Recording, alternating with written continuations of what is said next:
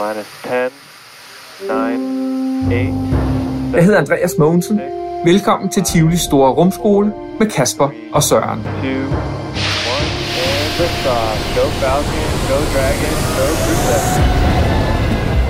7. I podcasten kan du lære alt om rumfart og rumforskning. Og du kan få mulighed for at stille mig spørgsmål live fra jorden, mens jeg er på rumstationen.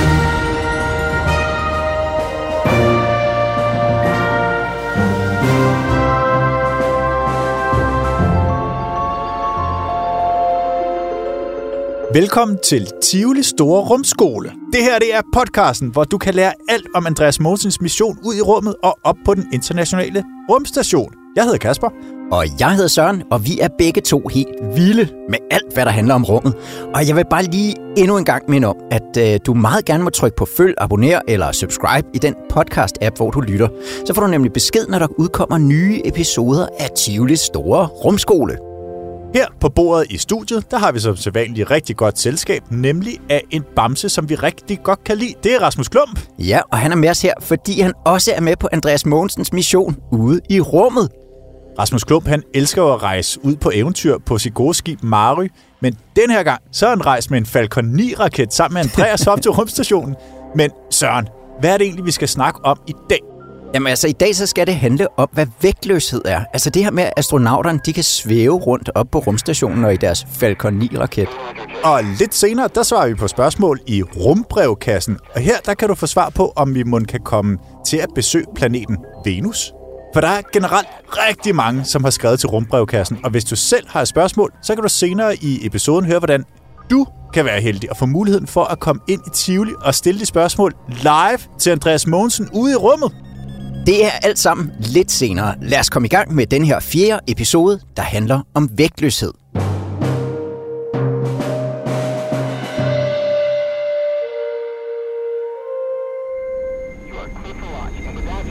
Du har helt sikkert set videoer af astronauter, der svæver rundt op på rumstationen. Og måske ovenikøbet af Andreas Mogensen. Andreas han kan sådan slippe ting, og så bliver det hængende i luften foran ham, når han er på rumstationen.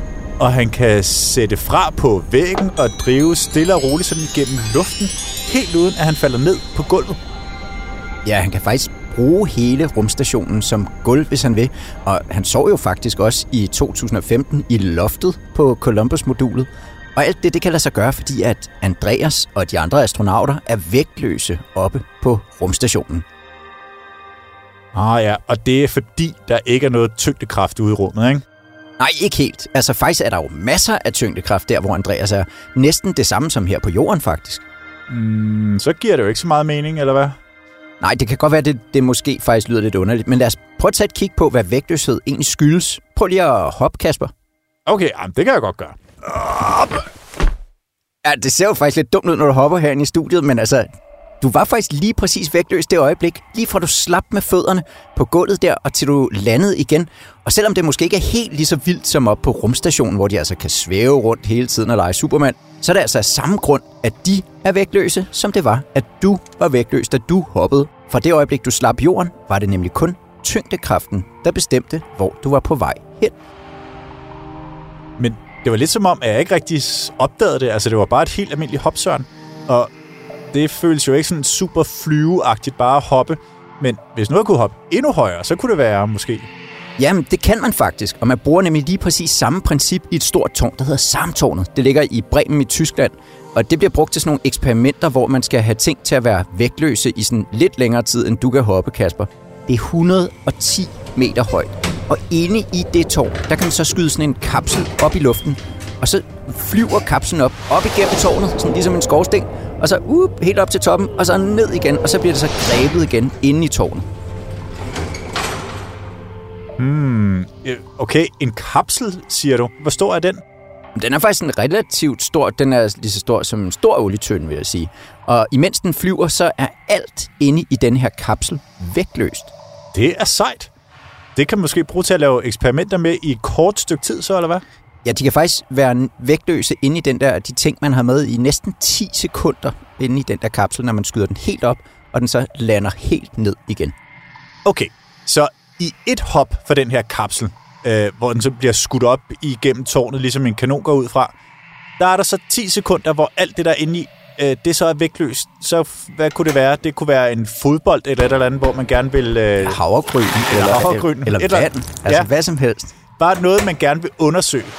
Det kan så i de 10 sekunder, det varer fra, at det ryger hele vejen op, og til det ryger hele vejen ned igen, være vægtløst. Og så kan man lave sine målinger der. Er det rigtigt? Ja, det er sådan, det virker. Og det, det tager lige lang tid at komme op og komme ned igen. Så i den tid, der, der ved, hvis man nu havde... Man kan jo ikke rigtig have et menneske ind i sådan en olietønde der, men, men det menneske ville aldrig nogensinde opdage, om det var på vej opad eller nedad, for den ville bare flyve rundt derinde. Fordi det er først, når først man var skudt af, ja, så ville man bare svæve rundt, altså fuldstændig ligesom Andreas Mogensen op på rumstationen, bare med meget mindre plads. Piece by piece, they assemble the station. Okay. Can I get the uh, solar wind deployed here? Hej, det er Andreas Mogensen, og du lytter til Tivoli Store Rumskole. Okay, men apropos rumstationen, siger du, ikke? Den hopper jo ikke, så der må være en eller anden forskel alligevel. Og i øvrigt, så lagde jeg jo også mærke til, da Andreas Mosen blev sendt op på et tidspunkt i rumfartøjet, før han nåede rumstationen. Der var han jo allerede vægtløs der. Ja, altså, de var jo vægtløse, men, men det var måske også lidt svært at se, fordi de har sådan nogle seler på, så de blev holdt fast i deres sæder. Men de var faktisk heller ikke vægtløse hele tiden, mens de sad i raketten. Det var først det øjeblik, at fartøjets raketmotor slukkede, at de blev vægtløse. Der var de nemlig lige præcis det øjeblik i frit fald. Og det var kun tyngdekraften, der bestemte, hvor de skulle falde hen.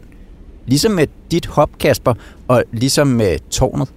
Okay, så selvom de havde masser af fart på, og måske ovenkøbet stadig var på vej væk fra jorden, så bliver tyngdekraften stadig ved med at hive i dem. Hmm. Men så du så den der dovendyrsbamse, som Andreas han slap fri, så den bare svævede rundt, øh, altså en snor godt nok, inde i rumfartøjet? Ja, og det, det er faktisk noget, der sådan skal gøre det lidt nemmere at se, at de er vægtløse. Det er noget, de kalder for en, en vægtløshedsindikator. Eller måske på mere normalt øh, dansk. Altså, hvis den svæver, så er du vægtløs. Okay, men hvis man er vægtløs, når man er i frit fald, hvorfor falder raketten og rumstationen så ikke ned på jorden igen?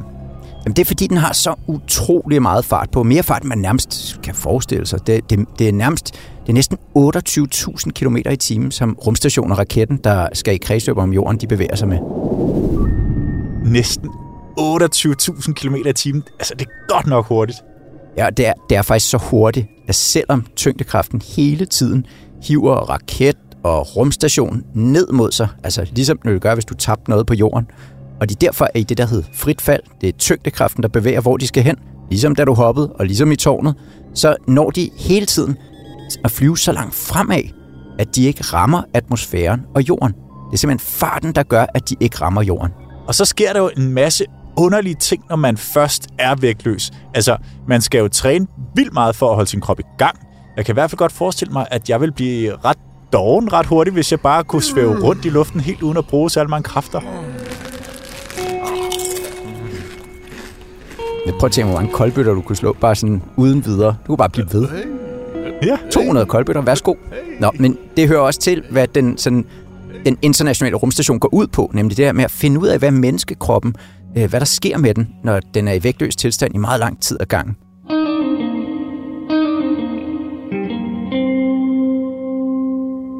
Det længste en astronaut ad gangen øh, har været op på rumstationen, det har været sådan et år. Men så kan jeg jo altså ikke lade være med at tænke på, hvis man nu er vægtløs deroppe, når rumstationen er i frit fald, er der så nogen måde at få tyngdekraften til at blive normal deroppe?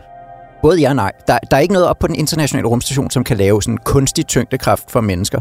Men rent faktisk har man haft mus med derop i en masse små buer, der næsten ligesom en sådan lille tivoli kunne dreje rundt og rundt og rundt og rundt. Åh oh, ja, jeg tror godt, jeg ved, hvor du vil hen nu her med det. Ja, det er jo sådan, at når man svinger en karusel eller en forlystelse, der bevæger sig, så mærker man jo tit, at man bliver sådan presset ud mod siden i de der sving, forlystelsen den tager. Det er noget af det, der er sjovt. Og det er kræfterne, man mærker, fordi at forlystelsen ligesom øh, presser en i en anden retning, end man lige var i gang med at bevæge sig. Så hvis du får et cykelhjul set fra siden, hvis man nu havde en tegning af det, Og i hver af mellemrummene mellem de der ærer, de der metalpinde, der er inde i hjulet, det var sådan et lille bur. Og musen så sidder på indersiden af cykelhjulet.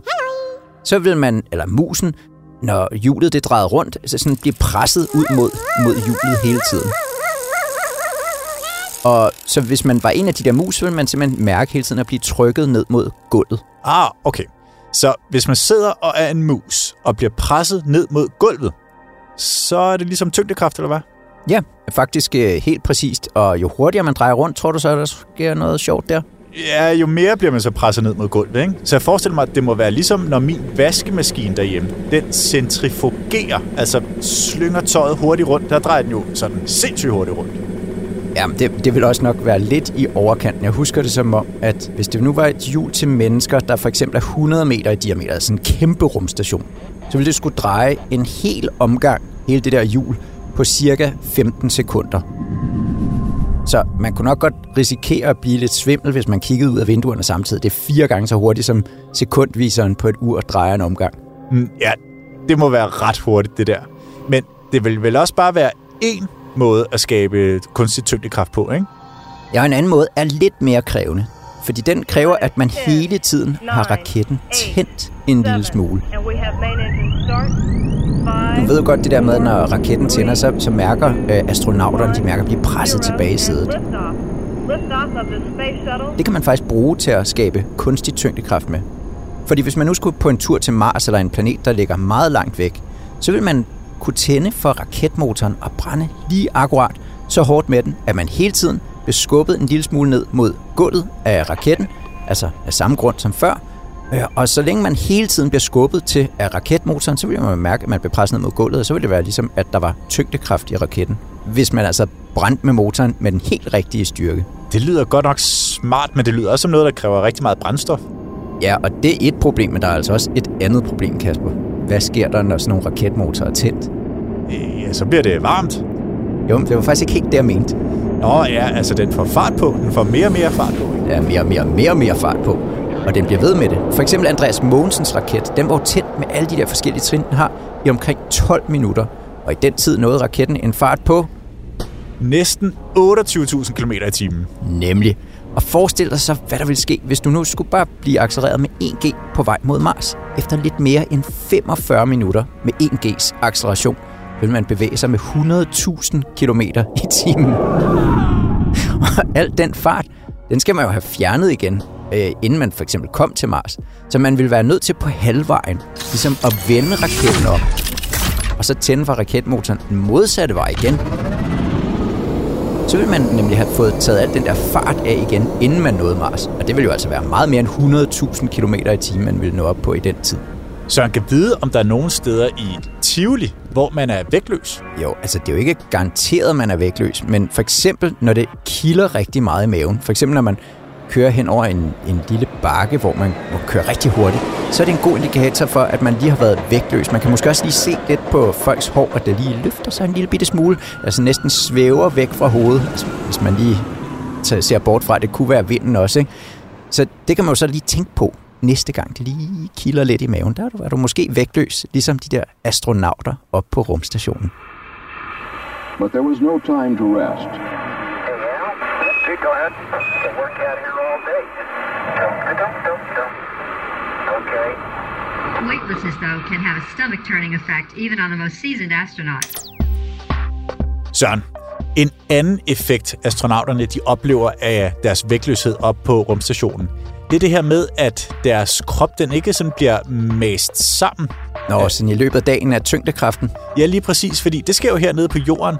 Og en sjov ting hernede på jorden, det er, at man faktisk er en lille bitte, bitte smule højere, når man vågner om morgenen, end man er, når man går i seng om aftenen. Simpelthen fordi, at tyngdekraften, den har sådan trykket ens krop sammen, og især ens rygsøjle sammen i løbet af dagen.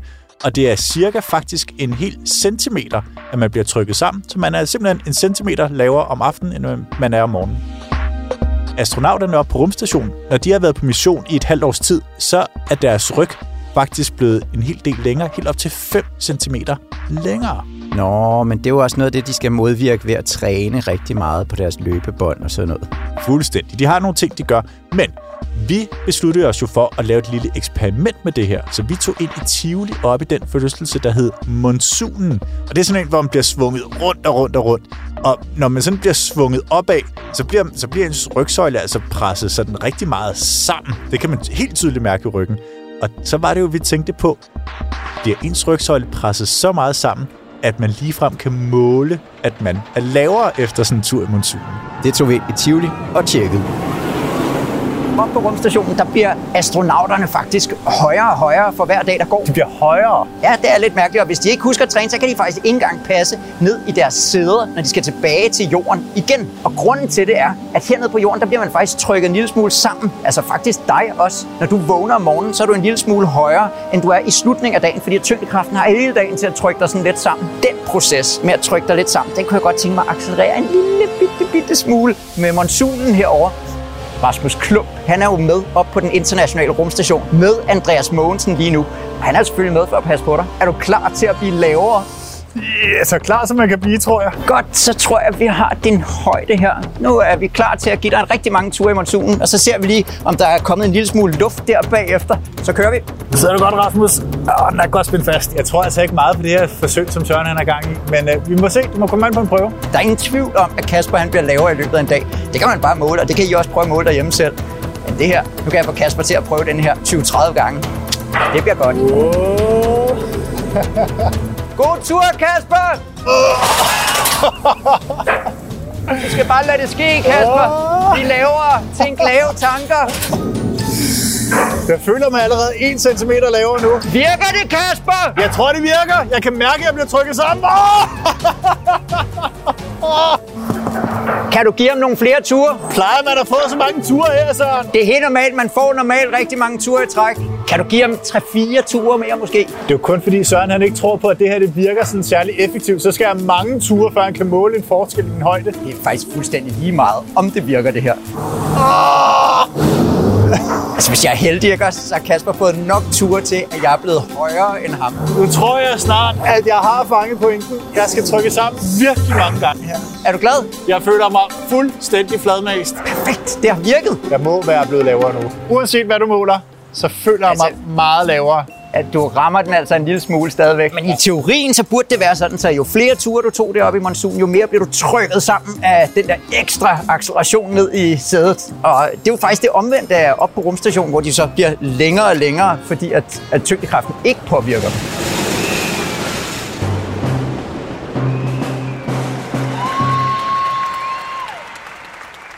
Nå, Kasper, har du stadig kvalme?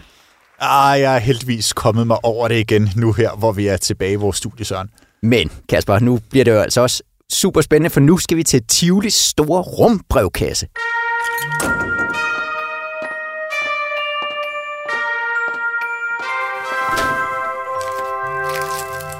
Vi har nemlig samlet en masse spørgsmål sammen fra en masse rumnørder derude. Og nogle af de spørgsmål skal vi svare på lige om lidt. Men først så skal vi fortælle om noget ret blæret. I november 2023 stiller vi nemlig om fra Tivolis store rumskole til den internationale rumstation, hvor vi er live igennem til Andreas Mogensen. Og her kan en håndfuld virkelig heldige børn stille spørgsmål live til Andreas.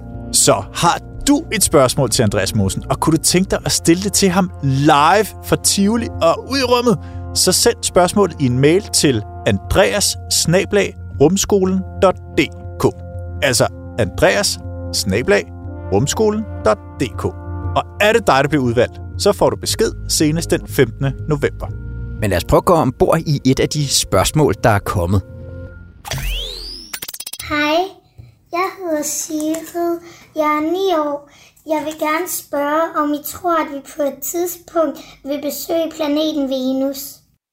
Og det er et rigtig godt spørgsmål, og jeg kan godt forstå, at det er spændende at stille det spørgsmål, fordi det er jo faktisk øh, det er planet nummer to fra solen, så, så det er jo oplagt, at man lige besøgte den. Øh, den ligger ret tæt på. Ja, altså det er ligesom at Mars er vores naboplanet, men Mars ligger længere væk fra solen, end jordkloden gør, så er Venus også vores naboplanet. Den ligger bare tættere på solen, end jorden gør. Nemlig. Altså for det første har mennesket sendt sådan nogle sonder afsted, der har landet på Venus. Sonder, det er sådan nogle, øh, lad os kalde dem satellitter, der er i stand til at lande på en planet. Men det er ikke en tur, som man sådan lige umiddelbart vil sende mennesker afsted på. Jeg sidder her og kigger på et lille opslag om Venus. Der står ellers her, at den er sådan rimelig meget lige så stor som Jorden. Altså 91 procent af Jordens masse. Ja, så man vil faktisk veje lidt mindre end på Jorden, hvis man var på Venus. Men det er måske også sådan den, en af de eneste gode ting at sige ved at besøge Venus som menneske. Ja, fordi jeg kan godt se, at dens atmosfære for eksempel, den ikke sådan lige er så god at trække vejret i. Den består nemlig ikke af oxygen, ligesom her på jorden. Den består af super meget CO2. Det er der også noget af i atmosfæren her på jorden, men på Venus der er 30.000 gange så meget CO2, som der er på jorden. Og CO2, det, det kan man jo ikke øh, indånde, eller det kan man godt, men øh, det vil ikke gå særlig godt. Faktisk CO2, det er også det der, man bruger til at lave brus i sodavand. Hvis man opløser det i vand, så danner det kulsyre, altså en syre. Så hvis nu man indåndede det og fik det ned i lungerne, så ville det reagere med ens væv i lungerne, og danne syre i lungerne, og det ville danne syre i øjnene. Altså, at, at, at, det vil man slet ikke kunne holde til. Men det er ikke engang det værste. Det er super, super varmt på Venus. Gennemsnitstemperaturen, står der lige her, er 464 grader Celsius, så man skal altså virkelig pakke sommertøjet. Eller, nej, vent, det skal man ikke. Det er jo alt for varmt. Og når man lander, så er der en tyk tog af svovlsyre. Ja, fordi der står her, ikke, at den sonde, det vil sige den der satellit, der kunne lande på Venus, ikke, den sonde, som har overlevet længst tid på Venus, det var i 127 minutter. Altså det er lige over to timer. Øh, Venera 13 hed den sonde. Ja, og så, så er der oven i købet det, at altså, trykket det er også 92 gange højere end ved jordens overflade, så, så er der altså bare både varmt, der er højt tryk, og så er der altså svovlsyre. Alt det, der ødelægger alting, altså det er der på samme tid. Ja, og to timer kunne den længst varende sonde holde til det, ikke? og den er endda bygget til at holde til sådan noget. Så prøv at tænke på, hvis det var mennesker, der var der. Det vil overhovedet ikke gå. Så det er ikke så underligt, at det er svært at lande der. Nej, det bliver nok ikke et fremtidigt feriemål, sådan lige forløbig. Tak til Siret for det gode spørgsmål. Og som en ekstra tak, så sender vi en super cool Rasmus Klump bamse og en Hugin Mission plakat med Rasmus Klump og Andreas Mogensen. Det gør vi nemlig til alle, der får et spørgsmål med her i Tivolis store rumskole. Og husk det nu. Har du et spørgsmål til Andreas Mogensen, og kunne du tænke dig at stille det til ham live fra Tivoli og ud i rummet, så send spørgsmålet i en mail til andreas rumskolen.dk. Og lige en gang til, andreas rumskolen.dk. Og du kan jo lige få en voksen til at hjælpe dig med at skrive det, hvis det skulle være. Er det dig, der bliver udvalgt, så får du besked senest den 15. november. Og det her, det var simpelthen den fjerde episode af Tivolis Store Rumskole, hvor vi blandt andet lærte, at det ikke kunne lade sig gøre at blive kortere af at prøve monsunen, og at Venus ikke bliver sådan et fremtidigt feriemål, og så også, hvad det egentlig vil sige at være vægtløs. Det har været mega sjovt, og det bliver mindst lige så sjovt i den næste episode. Det er episode 5, fordi den kommer til at handle om, hvad Andreas han laver op på rumstationen. Altså mere specifikt hans Hugen-mission, Nogle af de forsøg, som han skal udføre i forbindelse med den. Det glæder jeg mig til. Ja, og husk at trykke på abonner, følg eller subscribe i din podcast-app. Så får du nemlig besked, når episoden udkommer. Og så må du vildt gerne lige smide sådan en, en anmeldelse af podcasten, for vi håber så meget, at du godt kan lide den. Tivoli Store Rumskole er produceret af Go Little Creative for Tivoli. Musik og lyddesign har Thomas Banke Brenneke lavet, og producer er Morten Resen. Og også et stort tak til Isa og Andreas Mogensen for deres deltagelse i Tivolis Store Rumskole. Jeg hedder Kasper. Og jeg hedder Søren. Ha' det godt.